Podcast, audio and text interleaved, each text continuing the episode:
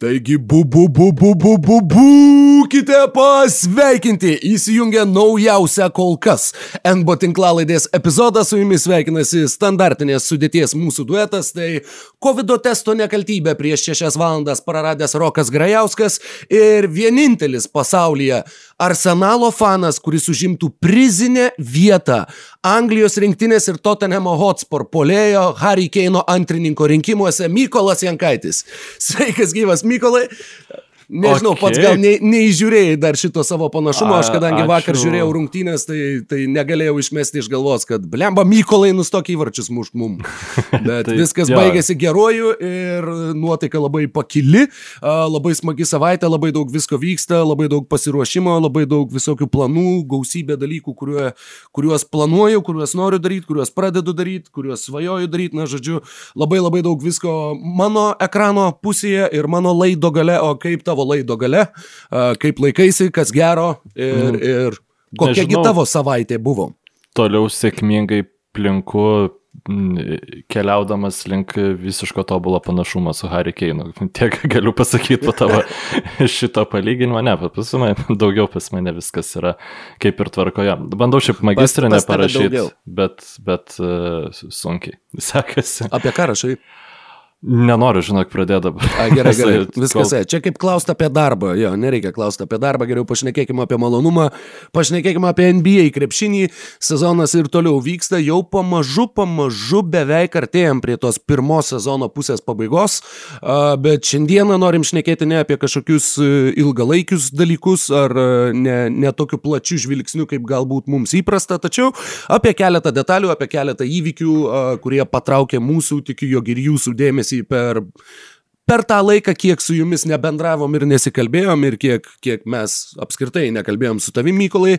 Tai pirmas dalykas, kurį pasižymėjome savo planelėje, yra Per pastarąją savaitę įvykę mainai, kurie įtakos NBA sezono eigai turi šimtą kartų mažiau negu atrodytų iš to, kiek dėmesio jiems buvo skirta, kadangi, na, oficialiai tai buvęs lygos MVP grįžta į didžiausią JAV miestą ir Derekas Rauzas iš Detroito Pistons persikėlė į New Yorko Knicks, ten jau spėjo sužaisti ir vienas rungtynes, Knicksai už Rauzą Detroitui perleido visiškai ant suolo supūdytą Denisą Smithą jaunesnį ir artėjančios biržos Charlotte's Hornets antro rato šaukimą, tad Knicks tiesiog e, ne, nelaukė mainų lango užsidarimo, nusprendė, jog Derekas Rauzas yra tas žetonas, kurio vertė galbūt gali ir nukristi. Ir e, jeigu dar pernai prieš mainų lango užsidarimą buvo kalbama, kad Pistons norėtų pirmo rato šaukimo už Dereką Rauzą, tai dabar jau antro rato šaukimas ir na, labai nesėkmingai kol kas e, savo karjeroje visiškai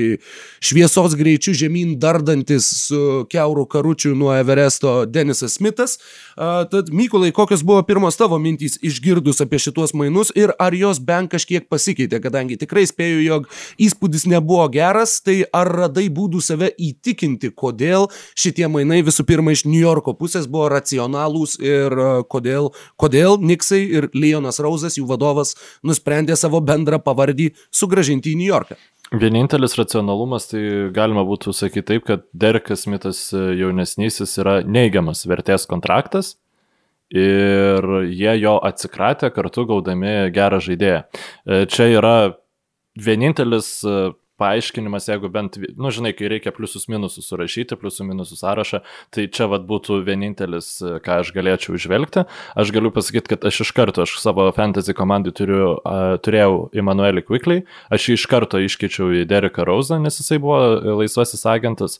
Žodžiu, kai tik tai išėjo šią mainai, nes uh, aš, aš šiaip esu siaubingas, siaubingas fantasy uh, lygos žaidėjas šį sezoną, kažkaip praeitą sezoną labiau sekėsi, gal buvo pradedančioje sėkmė, dabar apsirūpinti. Tik žinok, šį sezoną su traumom visom yra tiesiog nu, yra, taip neįmanoma nuspėti, kiek atkeltų rungtynių jo, jo, kiek ten kas nors nežaidžia dvi Bet savaitės. Tai... Kažkaip kitiem geriau sekės negu man. Tai, e, Visiškai sėkmės reikalas. Tai a, aš tiesiog pasėmiau Emanuelį Kviklį, kai pamačiau jo, jo highlightus, tada pasižiūrėjau rungtynes ir nu, nusprendžiau, kad čia gali būti vienas iš tų krepšininkų, kaip būna kartais Niksuose iššauna tokie, ten, ger, puikiausias pavyzdys tai e, Jeremy Linas, buvo, kuris ten taip pradėjo siausti ir paskui sezoną labai galingai uždarė. Uh, buvo tokių mažiau skambių uh, žaidėjų, kurie turėjo geras atkarpas, tai Alonso Trier buvo arba praėjus, arba už praėjusį sezoną labai gerai žaidė, o Emanuelis Kvikliai man atrodo, kad galėjo pradėti ganėtinai gerą E, spurtą, kuris užsibaigtų jo rolės išaugimu šitoj komandai, nes mes jau kalbėjom, kad man tas krepšininkas atrodė labai patinka, ne, ta prasme, atrodė labai patinka, nes man jis labai patinka, e, man jis atrodo labai gera tokia atletiškumo plus krepšinio intelekto kombinacija, ko gal nebūtinai. Ne veltui, atsiprašau, įsiterpsiu, bet labai trumpam, bet ne veltui jo inicialai yra IQ. jo, jo, jo.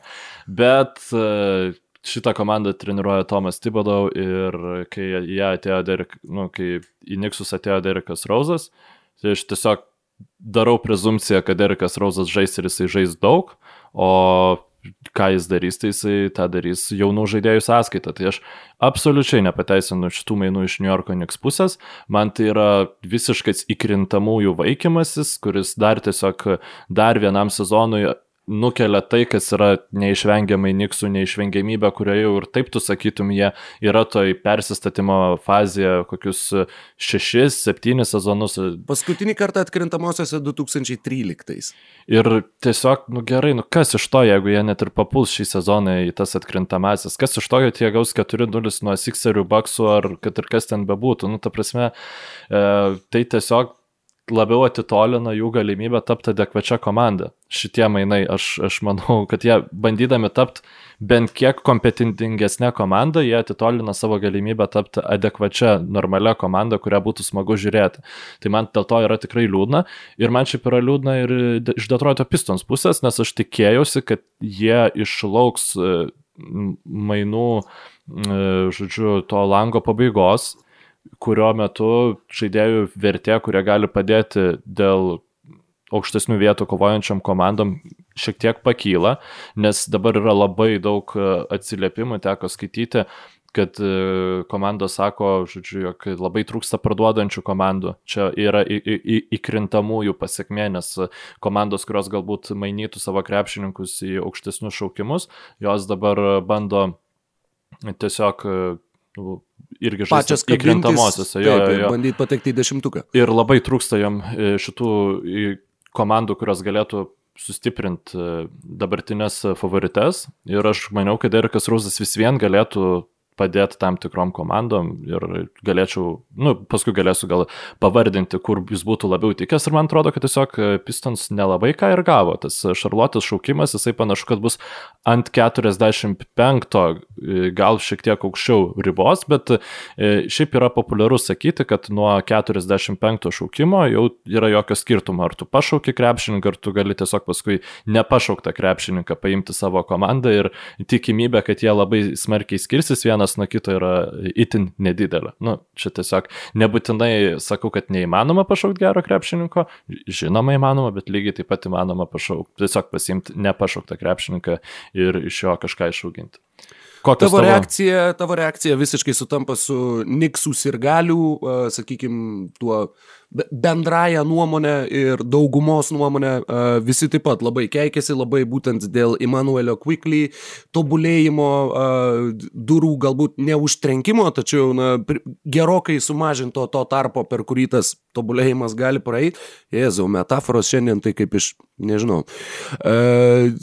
Ir tuo pačiu uh, Niksai atsimena, Niksų sirgaliai atsimena Dereką Rauzą iš tų laikų, kai jisai žaidė komandoje ir jį irgi visiškai maišo su žemėm, kad tai buvo na, visiška katastrofa. Jisai ten žaidė 2016-2017, kai ten buvo ir Žokimas Noa, kuriem Niksai vis dar moka už tai, kad jisai nežaistų, kuriam.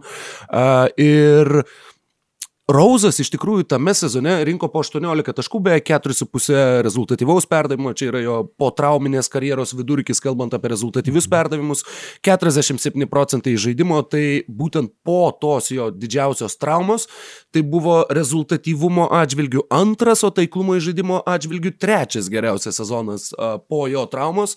Ir vis viena jis yra atsimenamas, na sakau, katastrofiškai neigiamai dar ir dėl to, jog labai daug kas rašė, kiek skaičiau įvairiuose forumuose ir, ir panašiai, jog, nu, kai jisai žaidė Niksuose, jisai buvo tiesiog įsikūnymas visiško, visiško apatiškumo gynybui. Kad nu, jis nulį jėgų ir dar mažiau įdėdavo savo aikštės pusiai. Galbūt prie Tomo Tibodo ta situacija bus kiek kitokia. Tomas Tibodo dabar, va irgi tau bešnekant, supratau, kad, nu, blemba, jiegi ir Touch Gibsoną pasėmė. Nes jis ką darė Timberwolfsuose prieš trejus metus, jisai dabar vėl tą patį daro New Yorko Knicksuose 2021 ir tai yra neįtikėtina. Taip, tai buvo gera komanda, ta bulių komanda buvo gera 2011, 12, 10, 11 kažkaip po dešimt metų vis dar tie patys veikiai. Nu, Luolas Dengas jau turbūt į aikštę nebegrįžta. Aš norėjau paklausti, ar jis šiaip jau paskelbė oficialiai apie savo Jo, Dengas jis yra- pietų yra- Sudaną treniruoja. Taip, taip, taip, taip. Jis yra ir Geras. krepšinio federacijos vienas iš galvų, viena iš galvų ir tuo pačiu ir rinktinės treneris. Uh, o ieškant iš tikrųjų tų pateisinimų, kodėl uh, Niksai pasirinko Dereką Rauzą ir tuo pačiu ta kritika, kurią išsakė labai labai labai labai daug ir galių ir net ir iš esmės mes šičia už tūkstančių kilometrų sėdėdami, sėdėdami Vilniuje savo kambariuose ir kalbėdami šioje tinklalaidėje, tą kritiką manau, kad labai ryškiai išgirdo klubas ir todėl Derekas Rauzas, kai debutavo Niks klube, va dabar antrą kartą turiuomenį šio sezono debutą, jis įėjo į aikštę maždaug likus 3 minutėm 30 sekundžių pirmam kelinuke ir įėjo kartu su Emanueliu Quickly. Tai buvo toks akivaizdžiai pasiūstas signalas, kad, a, kad mes, na, kaip čia pasakyti, ne, neatiminėsim to žaidybinio laiko iš Quickly ir tuo pačiu jie ir gerai sužaidė keletą atkarpų, pačią pirmą atkarpą suž, sužaidė labai gerai, įėjo į aikštę buvo 17-25 gavinėjo Niksai, bet per 7 minutės tada 42-30 išsiveržė į priekį. Ir Derikas Rauzas e, dar jam žaidžiant Minnesotoje, aš dabar galvoju, Minnesotoje berots. Ir kažkas taigi dar, ai, netgi Mindaugas Kuzminskas žaidė Niksuose su Deriku Rauzu. Ir jisai yra atsiliepęs super pozityviai apie tai, kad uh, kaip įkvepia darbui, kai tu matai va tuos veteranus, tuos lygos nu, super žvaigždės, dabar jau gerai link karjeros saulėlydžio, tačiau vis viena neįtikėtiną statusą turinčius krepšininkus ir kaip profesionaliai jie dirba, kiek jie darbo įdeda, kaip jie prižiūri savo kūnus ir taip toliau, ir taip toliau, ir taip toliau. Iš tos pusės galbūt ir tiem jauniem niksų gynėjim, kurių jie dabar taip pat turi uh, pakankamai daug, galbūt tai išeis į naudą kaip kažkoks darbo pavyzdys ir darbo etikos pavyzdys. Kitas dar vienas toks argumentas, Niksai turi, jeigu nesumeluosiu, dabar penktą geriausią gynybą lygoje ir 25 polimą. Tai yra viena blogiausiai puolančių lygos komandų, plus jie yra tose rungtynėse, kurios baigėsi trijų taškų skirtumu arba mažesniu, jų rezultatas yra 0-3, tai nėra labai daug rungtynių, bet apskritai nėra dar sezone sužaista labai daug rungtynių ir tas rezultatas kol kas yra blogiausias lygoj. Tad jų puolimui tokio žaidėjo, kuris galėtų kurti, matyti aikštę ir pakurti kitiem ir reikalui esant pats pažaisti vienas prieš vieną ar, ar e, izolacijos situacijoje, ar nežinau, du prieš du, bet na, susikurti metimus ir pats. E, Taip, iš tos, iš tos pusės tai turėtų padėti Niksų rezultatam. Nežinau, kiek e, gali tai turėti įtakos, ar tai bus, kad jie užims ne dešimtą, o devintą vietą dėl Būtent. to, kad turi Dereko Rauzą savo sudėtį. Tai, e, tai taip, čia galima irgi ginčytis ir kalbėti, kiek iš tikrųjų racijos yra, bet Na, Niksai yra Niksai, jie bando suburti štai e, kompetityvę, kiek tai įmanoma komandą ir toks žingsnis, na, galų gale Bet vėl grįž, grįžčiau prie to paties, kad tas patekimas į atkrintamasias, kai žaidžia jauna komanda, kiek visi šnekam apie tai, kiek daug jie naudos iš to gauna, bet kiek iš tikrųjų po to pažvelgus iš ilgalaikės perspektyvos, ta nauda labai retai pasimato, jeigu tai buvo tiesiog pirmo etapo patrankų mėsa. Uh, ir, Būtent, taip. ir tad sakau, na, nevertinu to vienareikšmiškai neigiamai, plus, sakau, truputėlį nuramino va tas būtent išleidimas į aikštę kartu su Quickly labai labai simboliškai, tad galbūt, na, tas žaidėjas, kuris nukentės labiausiai, du turbūt žaidėjai. Vienas tai tikrai Frankas Nelikina, kurie jau faktiškai nulėmė likimą, šitie mainai ir jis apie išlikimą New Yorko Knicks gali beveik nebegalvot, o kitas žaidėjas yra Austinas Riversas, kuris praleido sezono pradžią, dabar irgi labai sunkiai įsivažiuoja, nežaidžia per nelik naudingai sėkmingai ir daug kas tikisi, jog būtent Osno Riverso minučių dalį ir Elfrido Peytono minučių dalį suvalgys Derikas Rausas, o Emanuelis Quickly maždaug liks ties tuo pačiu minučių skaičiumi, kurį, kurį jisai žaidžia dabar. Dar viena tik tai paskutinė detalė. Ianas Begley, rašantis apie New Yorko Knicks, turbūt apie visą New Yorko sportą, net nežinau, bet garsus apžvalgininkas, sakė, jog Detroito Pistons, kai, kai vyko dėrybos, daug labiau norėjo Kevino Nokso. Jog jie, jisai buvo tas žaidėjas, į kurio karjeros prikėlimą jie buvo nusitaikę, bet kai nepavyko suderinti, jie, jie pasirinko Denisą Smithą jaunesnį. Būtų buvę įdomu, jeigu tai būtų buvę Frankas Nilikina, tada Detroite būtų prancūzų trijo su Seku Dumbuja ir Kilianu Heisu, tokia dar beveik prancūziškų spalvų komanda ir dar su Davidu Sirvidžiu. Būtų buvę galbūt, na, nežinau, Aš gal daugiau potencialo matyčiau Nilikinos e, karjeros gaivinime negu Deniso Smito, e, bet jie pasirinko taip, kaip pasirinko ir tie mainai yra tokie, kokie yra ir tikrai iš abiejų pusių žiūrint yra daug minusų, kuriuos galima rasti, bet na, komandos taip norėjo, taip padarė, kas mes tokie, kad, kad čia per nelygios dėtumėm į šuns dienas.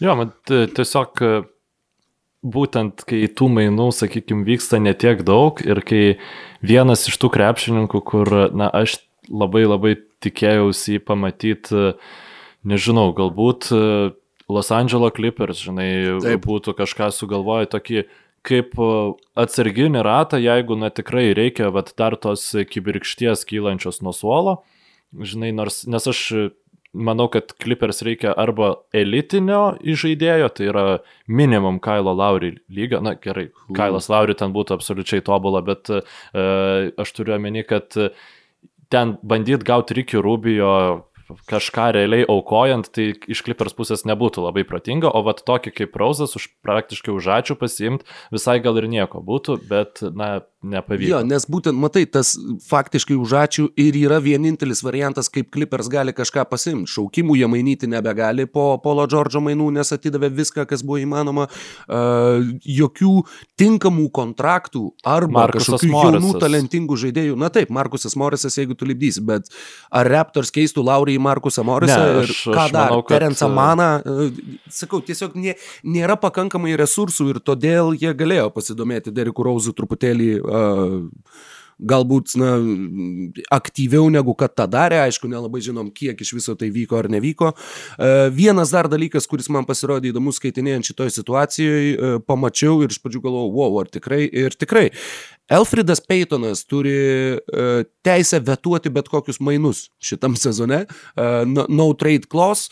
Uh, žinant Niksų istoriją su Philu Jacksonu ir Carmelo Anthony, atrodo, kad wow, pirma mintis buvo, wow, kodėl jūs dar apskritai kažkam duodat tuos, tą teisę vetuoti mainus. Bet tiesiog pagal lygos taisyklės, jeigu žaidėjas pratęsia kontraktą su komanda, kurioje jisai žaidė prieš tai ir tą padaro vienam sezonui arba dviem sezonam su arba komandos arba žaidėjo opcija, jisai pirmus metus uh, turi teisę, būtent jeigu tave nori kažkur išsiųsti, pasakyti, ne, aš nenoriu, man gerai šį čia. Jo, aš atsimenu, kai, man atrodo, du, NBA 2K15 arba 16 buvo tas e, rimtesnis mano užsikabinimas, vėl sugrįžimas prie NBA video žaidimų.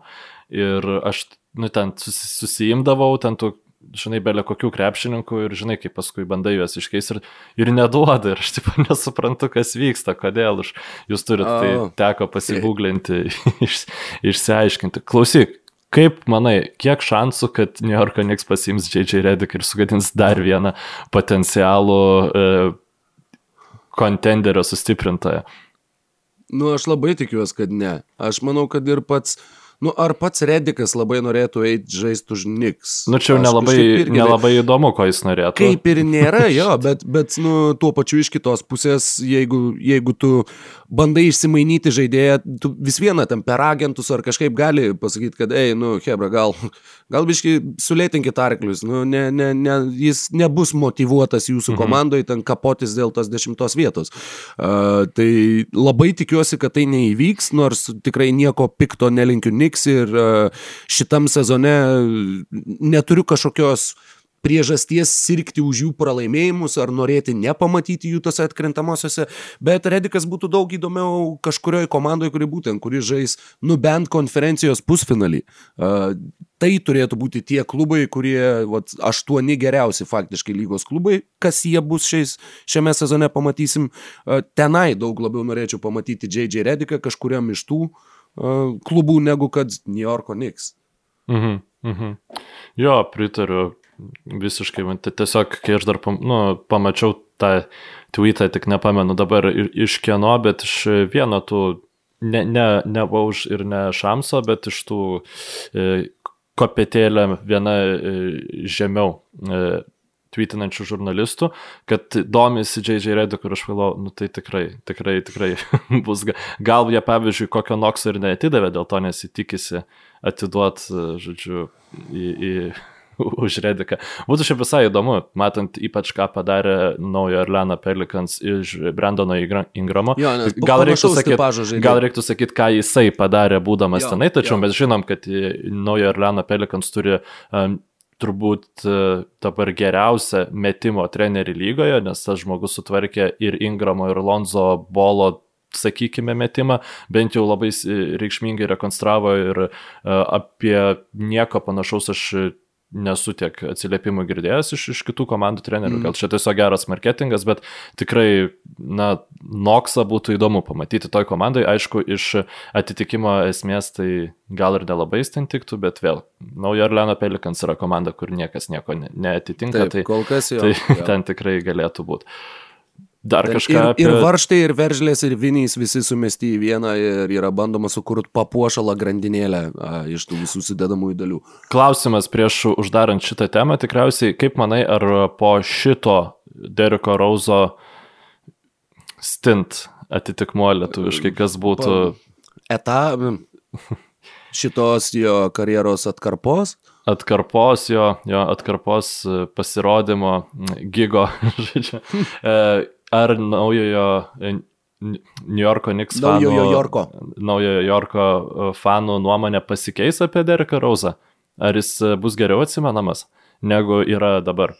Nu, jo, aš manau gal taip. Nu, matai, jeigu tai buvo grinai dėl uh, pastangų gynyboje, tai sakau, Tomas Tibodo tikrai ne, neleis uh, taip simuliuoti žaidimo savoje aikštės pusėje ir tuo pačiu uh, ir tuo pačiu nebežinau, ką norėjau dar pridėti prie šito sakinio, bet uh, ir pats Derekas Rauzas tuo pačiu žaisdamas pas tą trenerį, pas kurį jam labai patinka, kaip suprantu, žaisti, manau, kad bus visiškai kitaip motivuotas negu kad uh, tame 16-17 metų sezone, kai jo, kas dar, Morisas Anduras buvo, Kuzminskas buvo, Žoakimas Noa buvo, gal dar Styvas Novakas žaidė, na, žodžiu, buvo ke keisti laikai uh, tuo metu New York'e. Tai manau, kad taip, manau, Tikiuos, kad, kad, kad bent jau kažkiek tai reabilituosis Derikas Rauzas, galbūt pataikys kelis rungtinių baigti nulemsiančius metimus ir tokiu būdu dar kiek įrašys save į Niksų folklorą. O šiaip tai, kas yra labai smagu irgi, kadangi sakau, skaičiau labai daug informacijos, bendras šiaip jau, sakykime, požiūris Niksų ir galių į komandą yra turbūt tas, kuris nusakė tiksliausiai buvo, kad aš taip nuoširdžiai nesimėgavau žiūrėdamas Niks nuo pirmo Porzingio sezono pirmos pusės. Kad, nes dabar yra, kad netgi jeigu komanda pralaimi, tu vis tiek matai, kad jie kovėsi, jie žaidė ir kad, žodžiu, visi yra patenkinti ir pakankamai gerbė tą komandą už tai, ką, ką jinai daro. Tai iš tos pusės galim pasidžiaugti už New Yorko Knicks, kadangi a, džiaugsmas ir New Yorko Knicks vienam sakiny yra minimi labai labai retai. Bet visai daug tokių komandų šį sezoną, atsiprašau, Šarlotės Hornas fanai lygiai tą patį sako, kaip susitarė, kad tai yra e, lai, fainiausia komanda Šarlotėje nuo, nuo Gleno grįžimo, nuo grįžimo į Šarlotę laikų. A, nu, ta prasme, a, nu, ir Tai tą patį sako ir Clevelando fanai, kad seniai taip nesidžiaugia žiūrėdami komandos žaidimą. Įdomu, kiek išsilaikys uh, Lebronas visos tos tendencijos. Išėjo prieš porą, trejata metų. Jo, bet... At... Ne taip seniai jie nu, nesidžiaugia komandos. O nėra žaidimų. taip, kad atrodo žiauriai senai išėjo nu, Lebronas. Šiaip tai atrodo, šiaip tai atrodo, tikrai, tikrai pritariu.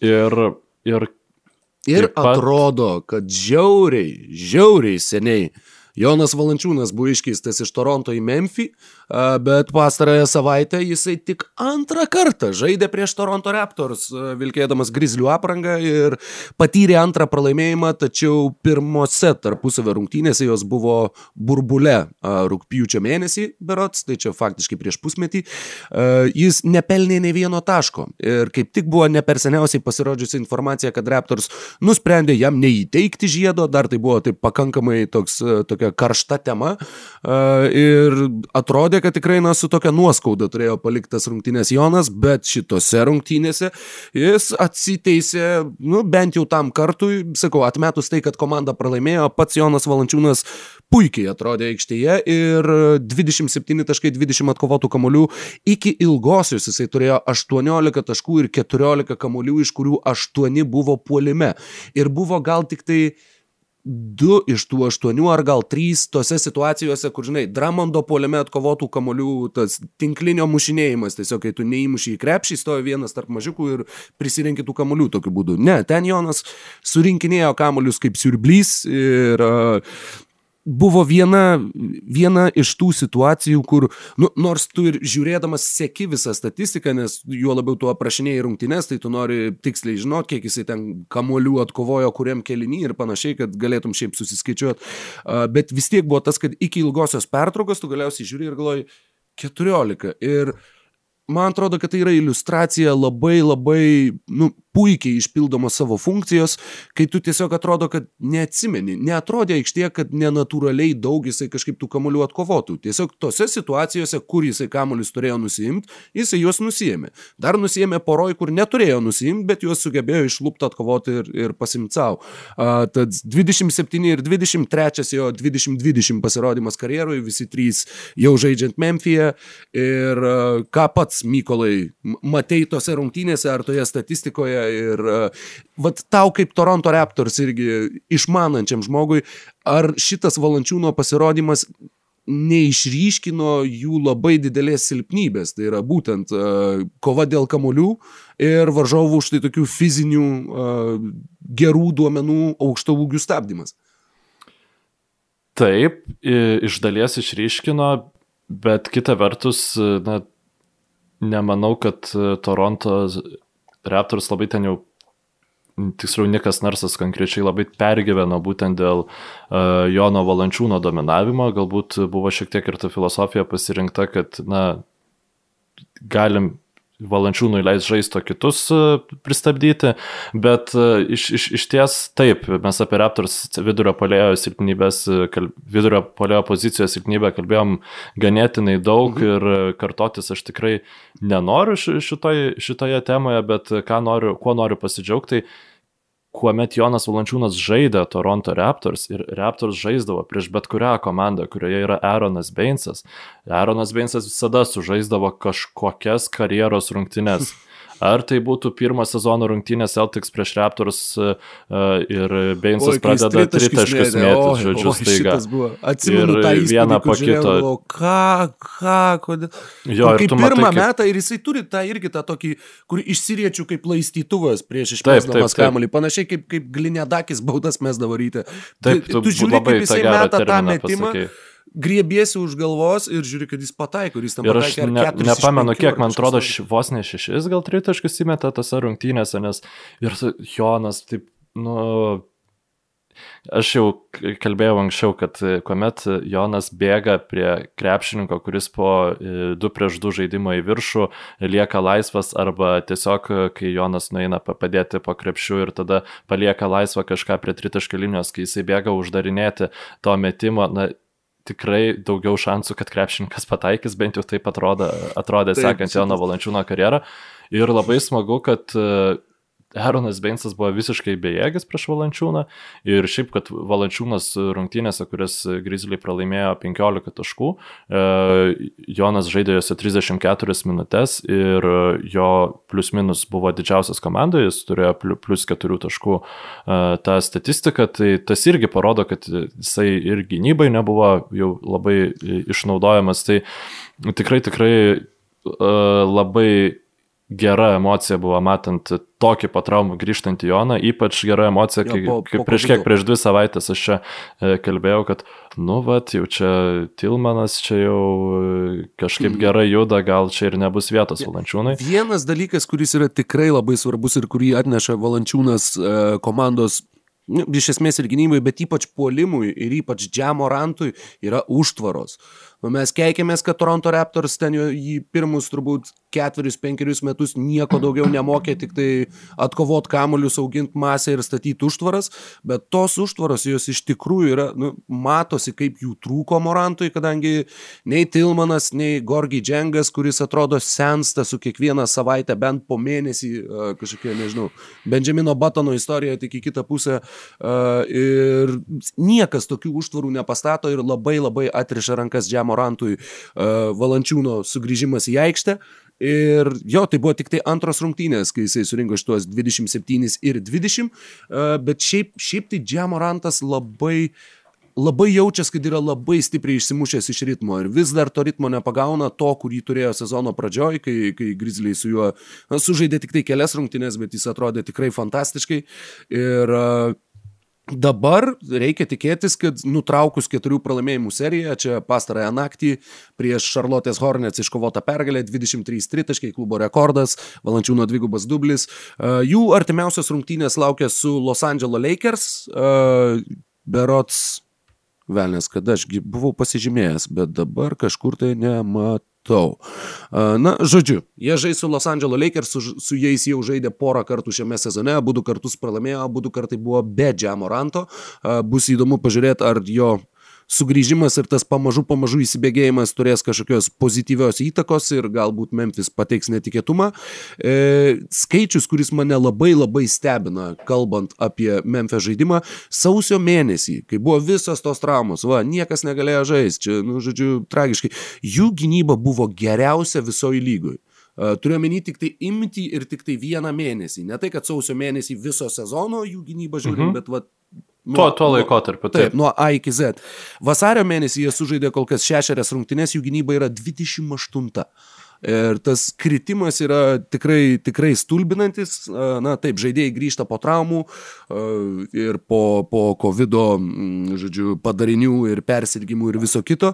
Ir čia taip pat klausimas, kur galbūt jie ir neturi mm, pilno potencialo išlaikyti tos geriausios gynybos lygoj, kurią turėjo sausį, bet tuo pačiu 28 gynyba irgi tikrai nėra tas skaičius, kurį, kurį aš tikėčiausi matyti tolimesniai sezono eigoj. Tai čia, žinai, nu, parodo, kad nėra taip... E nereikia skubiai taip reaguoti į tas atkarpas, dėl ko vat ir sezono pradžioje, sakykime, kuomet ta atkarpa atrodo ypatingai reikšminga ir ypatingai reikšminga atkarpa yra paskutinės dešimt sezono rungtynių, kuomet kažkur, kažkuri komanda sužaidžia geriau prieš atkrintamasias ir tada visi pameta galvas ir sako, kad čia jie labai gerai ten pasirodys. Ir nebūna prieš, taip. Kai, kai pasėmė šitągi belinėlį ir... Jo, jo, jo, jo, jo, vad buvo tas momentas.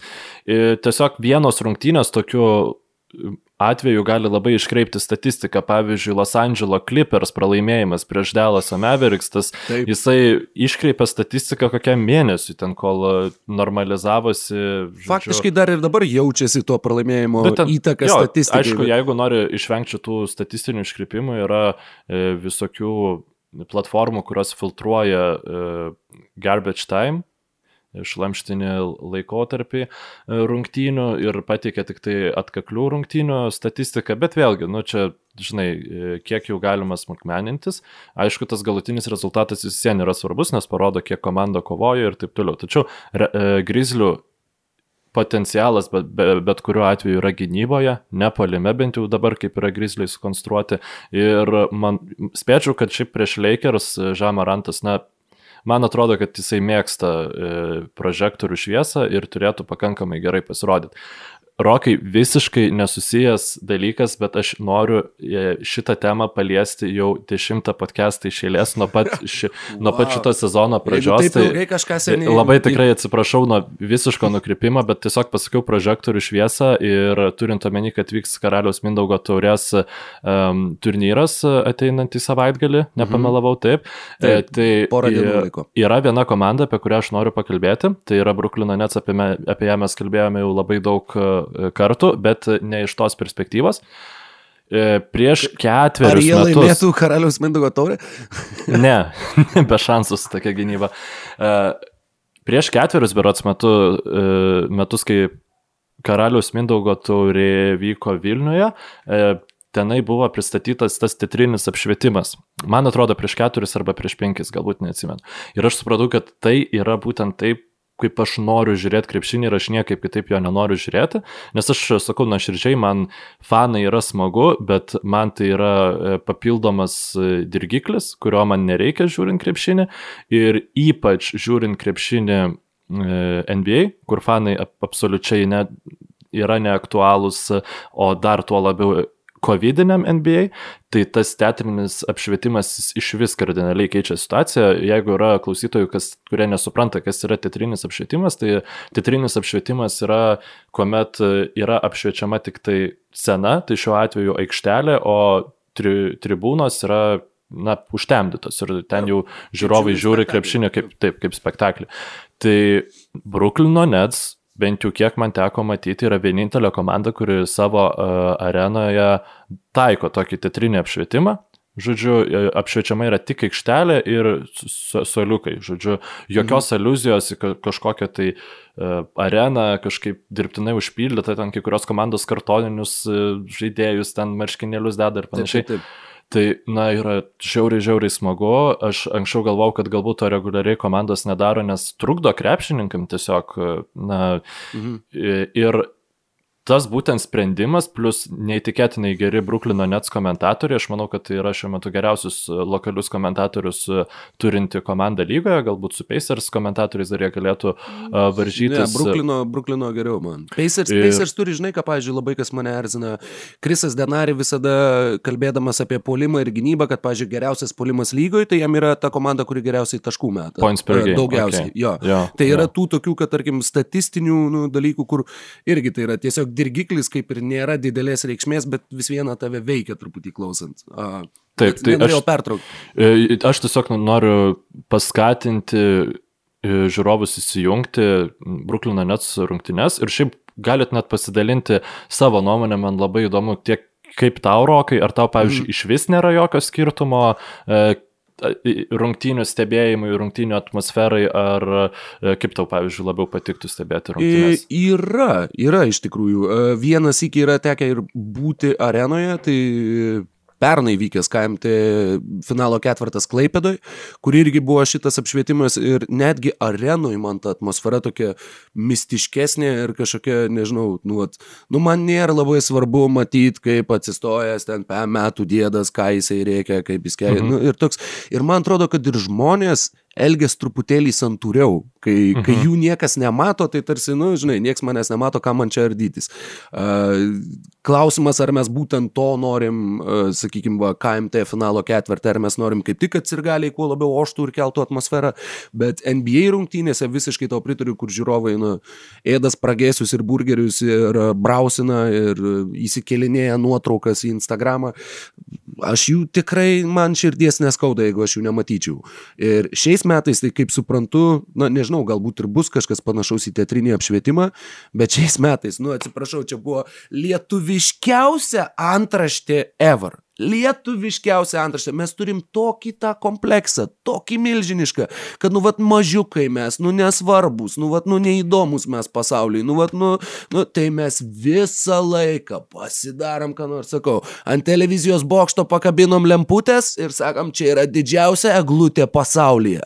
Arba pakabinom e, lemputės, kurios imitavo krepšio tinklą ir sakėm, didžiausias krepšinio stovas pasaulyje. Ir kad jeigu ne nepavyksta padaryti pasaulyje, tuomet tu darai didžiausias Lietuvoje arba Lietuvos istorijoje. Ir kaip pamačiau antraštę, kad karaliaus Mindogo taurėje bus didžiausias LED ekranas Lietuvos sporto renginių istorijoje. Nu, tai, va, toks, per pastaruosius du mėnesius. nu, vos ne, vos ne. Je, jeigu mes juokiamės iš NBA statistikų, ten kur kai antradienį, jeigu juodais batais žaidė, tai tada pataikė, žodžiu, čia geriausias jo karjeros pasiekimas. Nu tai šitie visi lietuviški, tie, tie didybės siekimo tokie apsireiškimai man yra absoliuti komedija ir uh, labai labai tikrai kelia juoką. tai va, kokį gerą nukrypimą turėjom su Bruklino Nets ir teatriniu apšvietimu.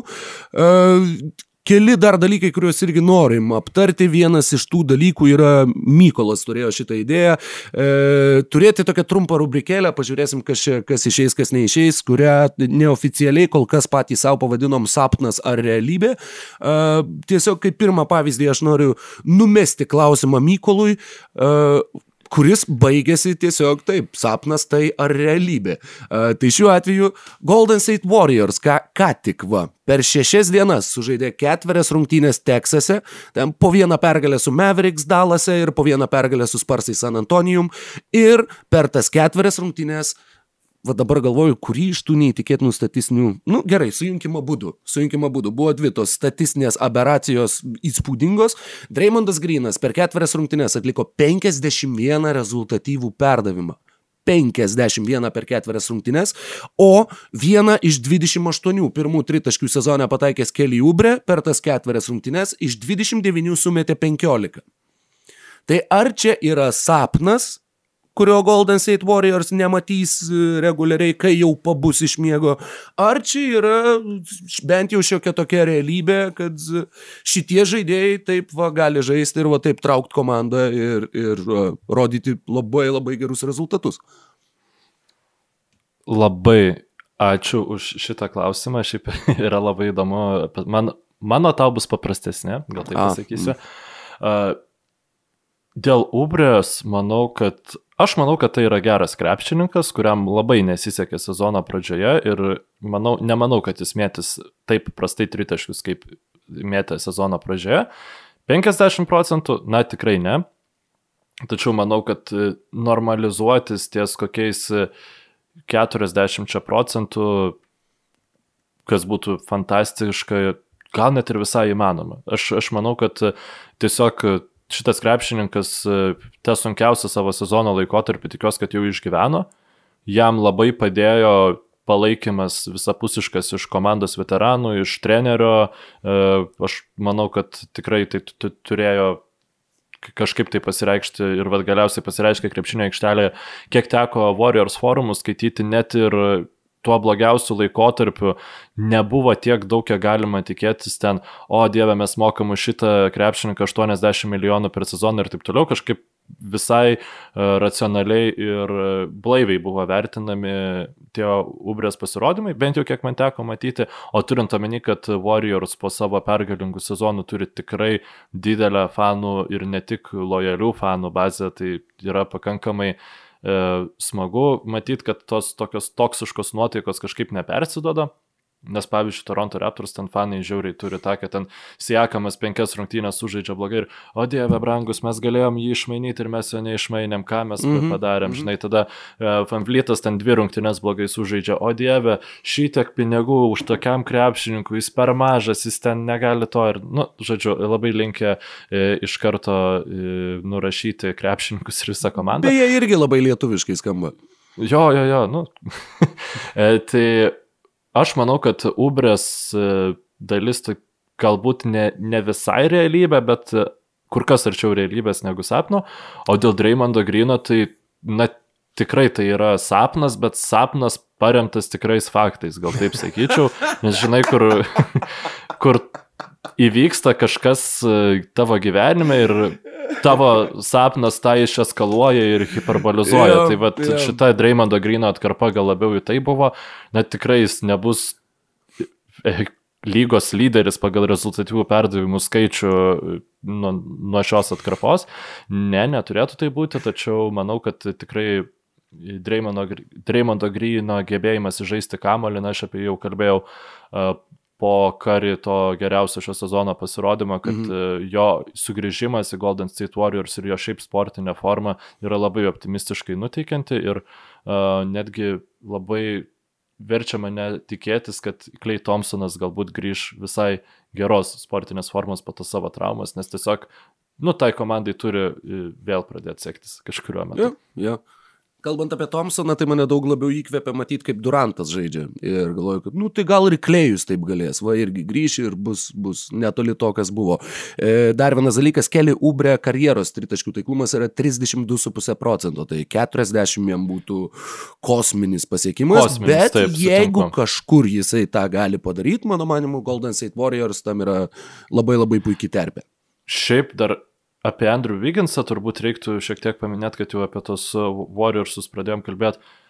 Panašu, kad Wigginsas žaidžia geriausią karjeros krepšinį, gal tai būtų galima pasakyti. Jo, ne karjeros sezoną, iš statistinės pusės tai nėra geriausias jo karjeros sezonas, bet jis yra, nu, kol kas, man atrodo, plus vienas yra jų uh, pergalės prieš pralaimėjimus, bet vis mhm. viena jisai žaidžia laiminčioje komandoje. Ir jis ir žaidžia naudingai, žaidžia, taip, ir, ir yra uh, svarbus krepšininkas, e, labai atsiskleidinėja gynyboje, nors Warriorsų gynyba neblizga, mhm. bet Viginsas ten tikrai nėra blogiausias, na, silpniausia grandis.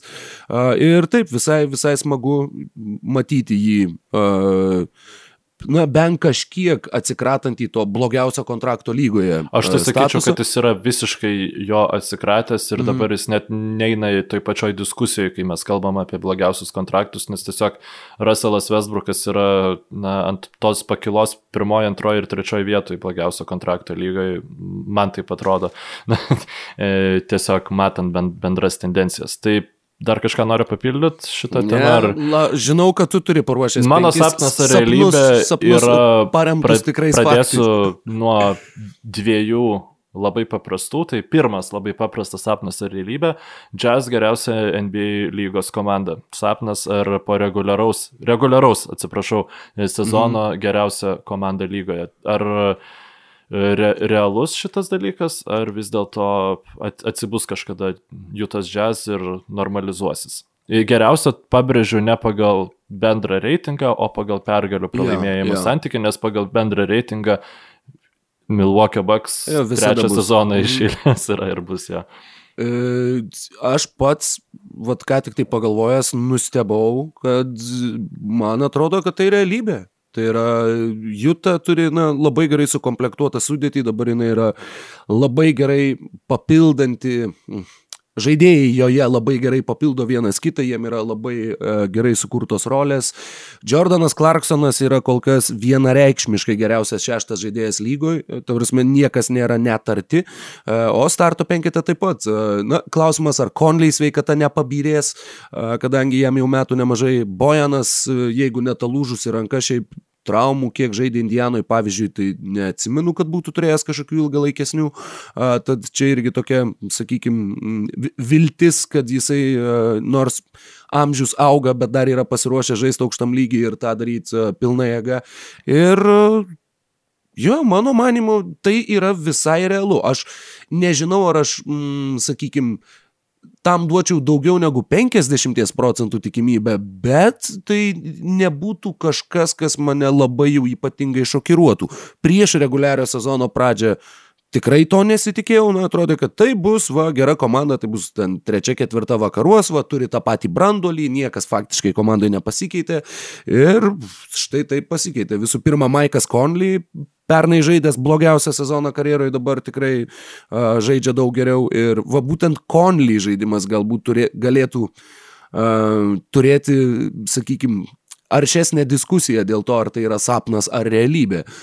Bet manau, kad visa komanda tai realiai yra labai gera komanda ir nėra taip, kad jie žaidė vien su prastais klubais ar susirinko tas pergalės prieš netikusias komandas vien tik tai, bet tai tikrai yra gera krepšinį žaidžiantis klubas ir manau, kad realu, realu. Vakarų konferencijos nugalėtojai reguliariojo sezono Jutos Jazz realu.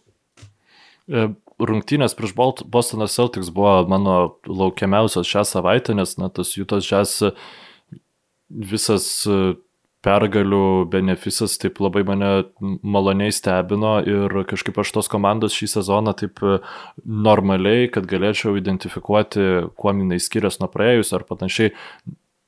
Atidžiai nebuvau pažiūrėjęs ir man atrodė, Bostonas Celtics turėtų būti ta komanda, kuri uh, paruošė ganėtinai nemažai iššūkių.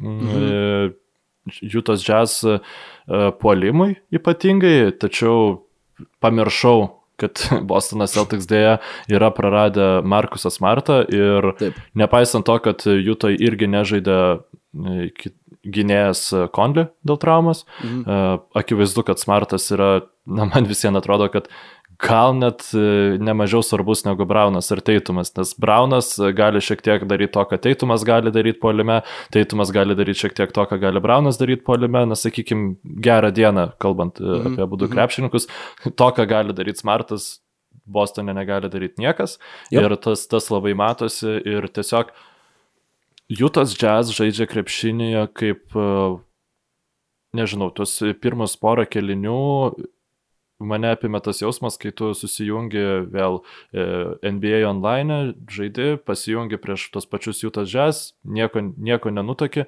bet tas bičias, kuris valdo tą komandą, yra tobulai atkalęs kiekvieną krepšininko metimą ir kiekvienas bent kiek polais vis metimas įkrenta, žodžiu, žalia švieselė užsidega, tai tiesiog toks jaus, jausmas apima žiūrint Jutas Jazz, nes tai, tai yra tie patys krepšininkai, kuriuos tu matai jau kelintus metus, tačiau jie staiga visi pasidarė nuostabus metikai. Galbūt dar tas labai e, didina jų tas žas pavojų polime, nes tiek Mitchellas, tiek Conley, tiek Inglesas gali žaisti pick and rollą -hmm. ir mhm. nepamirškim Bogdanovičiaus šiaip e, to jo kaip žaidėjo prado, jisai e, yra absoliučiai gerai besijaučiantis su kamoliu krepšininkas, nors jis e, yra, sakykime, mes įsivaizduojame NBA kaip tą aikštę išplečiantį ketvirtą, trečią numerį, bet Europoje ne jis tik, buvo... Man tuo pačiu dar labai iš to, kad, kad labai daug žiūrėjau peiserių, kai ten žaidė Bogdanovičius, e, jis tas, kuris įkerta be kamolio dažnai baudos aikštelę palei galinę liniją, pažiūrėjau, arba bet tuo pačiu ir su kamoliu taip pat taip, galintis tu... tikrai ir mėgstantis žaisti. Ir dar tada pridėkim Clarksoną, kuris taip pat puikiai jaučiasi su kamoliu savo rankose. Uh, Roisas Onylas, tai jau be abejonės yra vat, būtent tas uh, nedaug kamolio liečiantis, mm -hmm. bet viską labai gerai darantis krepšininkas. Ir tada, aišku, Rudy Goberas. Ir man atrodo, mes dabar Jutas Žes žaidžia geriausią uh, E, aikštę praplečiantį 2 e, prieš 2 į apačią arba tiesiog e, spread pick and roll lygoje šiuo metu, nes tu absoliučiai negali nuo niekieno prieit padėti nei, nei nuo Conley, nei nuo Ingleso, nei nuo Bogdanovičius, nei nuo Mitchelo, jeigu Conley e, žaidžia tą 2 prieš 2. Gobero aikštės praplėtimas irgi yra vertikalus. E, vertikalus, taip turiu omeny, geresnį turi turbūt tik tai Anthony Davisas lygoje šiuo metu negu Rudy Goberas. Ir tiesiog užpulti Jutos Jazz komandai atliekant šį paprastą derinį atrodo labai paprasta. Nepaisant to, Bostonas Celtics šiaip ganėtinai visas, visų rungtynių metų kabinasi į Jutas Jazz ir tik tai pabaigoje vėl tie e, porą tritaškų iš Mitchelo ir Ingluso. Tarp kitko, šiaip kaip beprotiškai atrodo, e, likus dviem minutėm tavo komanda pelno nedaug taškų, e, pirmauja nedidelių taškų skirtumų dvi atakos sekundės praėjo ir tu esi Joe Inglesas ir tu meti tritaškį. Ramiu veidu ir tu jį pataikai. Nu, ta prasme, iki ko išauga šitas krepšininkas, man yra. Ir pats krepšinis. Taip, ir pats, ir pats krepšinis. Nes, žinai, tokiem krepšinio puristam ir fundamentalistam, tai metimas praėjus dviem sekundėm yra kaip taip galima.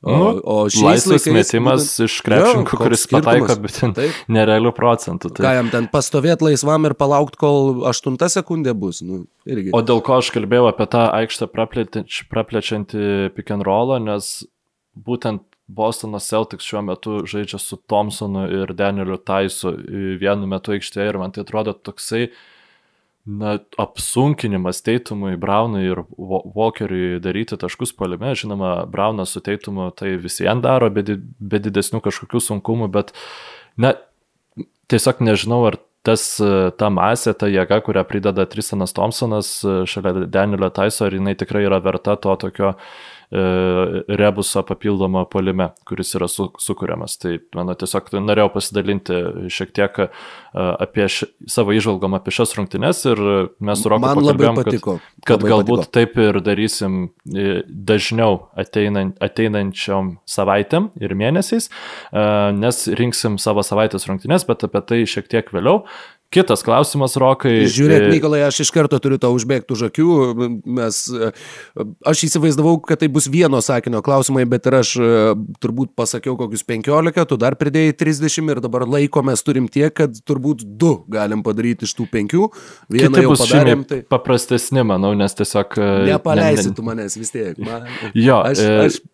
Sixers pirma rytų konferencijos komanda. Sapnas ar realybė? Rytų. rytų. Taip, taip, taip, rytų. Pagal pergalių procentą. Realybė, realybė. O tai, Manau, kad, kad Milwaukee Bucks net rating šiuo metu yra geriausias lygoje, o Sixerių šeštas. Kas yra tau... Bucks, Bucks, ką jie turi? Jie turi labai, nu kaip labai ilgą suolą. Iš esmės vis tiek ilgą suolą su visais Brinais Forbesais, kurie dabar žaidžia pastaruoju metu neblogai, Bobby Portisas žaidžia gerai. Jie turi daug aukštos kokybės krepšininkų, aukštos klasės. Ir dėl to jie labai užtikrintai suspardo prastas komandas. Bet ir tai yra viena iš priežasčių, kodėl tasai jų reitingas yra aukščiausias visoje lygoje. Tuoj pat net noriu pasižiūrėti, ar galiu tą iliustruoti, ar galiu tą iš tikrųjų paneigti. Ne, prieš komandos, kurios turi blogesnį negu 50 procentų pergalių ir pralaimėjimų procentą. Milvokis ir laimėjo 13 rungtynių, pralaimėjo ketverias. Prieš komandas, kurios turi teigiamą balansą, jie laimėjo 3 ir pralaimėjo 5. Uh, tai manau, kad čia vat yra tas ką mes ir matėm pastaraisiais metais ir tai ir yra ta Milvokio reguliariojo sezono galios paslaptis ir tuo pačiu jų prapultis atkrintamosiose varžybose. Uh, tad manau, kad šiais metais uh, Filadelfija gali, yra pajėgi išlaikyti tokį tempą su, su Doko Riverso įvestais pokyčiais komandoje ir išlaikyti tą pirmą vietą rytų konferencijai. E, tada dar du, du sapnus tau sujungsiu į vieną, nes apie wow. tai pats kalbėjai už praeitą tinklalaidą. Wow. Tai Bruklino Nets po Hardeno mainų yra antra blogiausia komanda lygoje bei daugiausiai taškų praleidžianti komanda lygoje. Antra blogiausia gynyboje, taip? Taip, taip, atsiprašau. Mhm. Antra blogiausia gynyboje blogi, blogiau per tą laikotarpį gynėsi tik tai Dallas Mavericks. Ir Houstono Rockets yra antra geriausiai besiginanti komanda lygoje e, po tų mhm. mainų. Mhm. Dėl ties abiejom komandom, ko, Nets atveju košmaras ar realybė, Rockets atveju sapnas ar realybė? Nets atveju tai yra, oh, matai, kai, kai košmaras tada jau skamba truputėlį kitaip galvoju, reikia pervesti. Nets atveju tai yra realybė kol kas. Mes jau kalbėjom apie tai, kad jiem trūksta, jiem tiesiog trūksta žmonių, kurie galėtų gintis. Tai manai, kad jie po sezono bus kad jie liks 29, ne, ne. A, okay. Tiek nemanau, bet manau, kad tai yra na, realiai labai didelė problema. A, jeigu mes kalbam būtent apie statistinę išraišką, tai manau, kad jie vidury lentelės pagal gynybos reitingą, jeigu bus, tai čia bus jau labai neblogai. O, o šiaip jie gali būti kokie 22, 23, jeigu reikėtų spėti. O Houstonas, manau, kad grįž į žemę po šitos atkarpos, tačiau tai yra komanda, kur žiūrėjau, dabar galvoju, prieš ką jie žaidė. Bet tai buvo rungtynės, kur nežaidė Wallas ir nežaidė Gordonas, žaidė Oladipo ir žaidė Jasonas Teitas, e, PJ Tuckeris, uh, kasgi ten dar Danuelis Hausas, uh, Benas McElmoras sušaudė penkis gal tritaškius išėlės, jie žaidė su Šarlotė. Taip, iš komentatorių dabar atsimenu. Ir, jo, o Houstono Rockets, manau, kad nors turi gynybinio potencialo, bet nemanau, kad jį išlaikys taip aukštai. Čia labai dideli uh, nuopelnai jų trenerių štabo, tuo pačiu ir žaidėjai, tas pats Jasonas Teitas man yra vienas iš tokių smagesnių atradimų, kur visiškai iš niekur atsirado krepšininkas, apie kurį nieko nežinojai, kuris netgi žaidęs Belgijos lygoje, man atrodo, prieš, prieš kelis sezonus, tai kokybės šuolis tikrai yra milžiniškas. Ir jo, manau, kad, manau, kad tai yra sapnas. Rockets antra gynybo lygoje yra sapnas ir iki sezono galo mes tokio rodiklio tikrai nematysim. E, visiškai pritariu dėl Rockets buvimo sapnu, tos to gero gynybinio spurto. E, aišku, šiek tiek dar gali prisidėti prie geros gynybos išlaikymo, sakyčiau, gal negražiai, tai bet Kristiano Vudo trauma, nes, na, nėra Vudas ypatingai geras ir net sakyčiau teigiamas krepšininkas gynyboje, tačiau kita vertus, tai kuo jį pakeis Rockets irgi nėra kažko labai geriau. Ir paskutinis Rokai sapnas ar realybė. 2001 metų sezone. Sapnas. Šiaip, Juokauju, juokauju. šiaip atsiprašau. e, man atrodo, neišsirašiau iš tikro, kurį sezoną, atsiprašau, bet e, e, vienas krepšininkas rinko po 25,5 taško per rungtynes ir tai yra e, daugiausiai, kiek taškų kažkas buvo rinkęs, e, kam yra virš 36, 36 arba daugiau metų. Karl. Žodžiu. Taip, tai yra Karlas Malonas, tu esi teisus. Kitas krepšininkas vardu Lebronas Džeimsas šį sezoną irgi renka 25,5 taško. Šį sezoną ar jis taps e, rezultatyviausiu 36 mečių e, pelniusių, žodžiu, pelnančių daugiau. Nu, ar, ar jis taps rezultatyviausiu 36 mečių? Tai yra sapnas ar Jo, realybė? tai yra realybė, tai yra realybė. Jeigu kažkas gali daužyti visus šituos ilgamžiškumo rekordus, tai Lebronas su savo milijonais sugrūstais į savo kūno priežiūrą, į visas tas ten, e, nežinau, vos ne, užšaldymo vonės ir panašius dalykus, e, jis, jis visos karjeros metu faktiškai dirbo dėl to ir tai būtų, tai ne tik realybė, tai, tai desningumas. Šiaip m, aš pats buvau ganėtinai priblokštas, nes kaip pamačiau, na, 25,5 taško, žinai, visiems tu kažkaip, e, kai neatsiverti tos statistikos, atrodo, kad, nu, čiagi seniau ten buvo visokie Chamberlainai, visokie Abdul-Jabarai Džabarai. buvo ir taip toliau. Ir, nu, nevelnio, Karimas 38, tiesa, būdamas jis rinko 23,4 taško ir tai yra e, trečia jau vieta. Tai net 25 rinkti yra absoliučiai e, neįtikėtina ir atrodo, kad jis galėtų dar net pridėti kokius keturis taškus laisvai prie to vidurkio, jeigu tik tai e, labai norėtų. Tai aš irgi pritariu, kad manau, kad tai yra realybė ir turėsim naują, nu, senuku tai tikrai nesiuošiu vadinti, bet vet, čia jau tikras veteranas. Žodžiu. Ir smagu, kad Karlas Malonas dar kažkurioje vietoje nebus pirmas.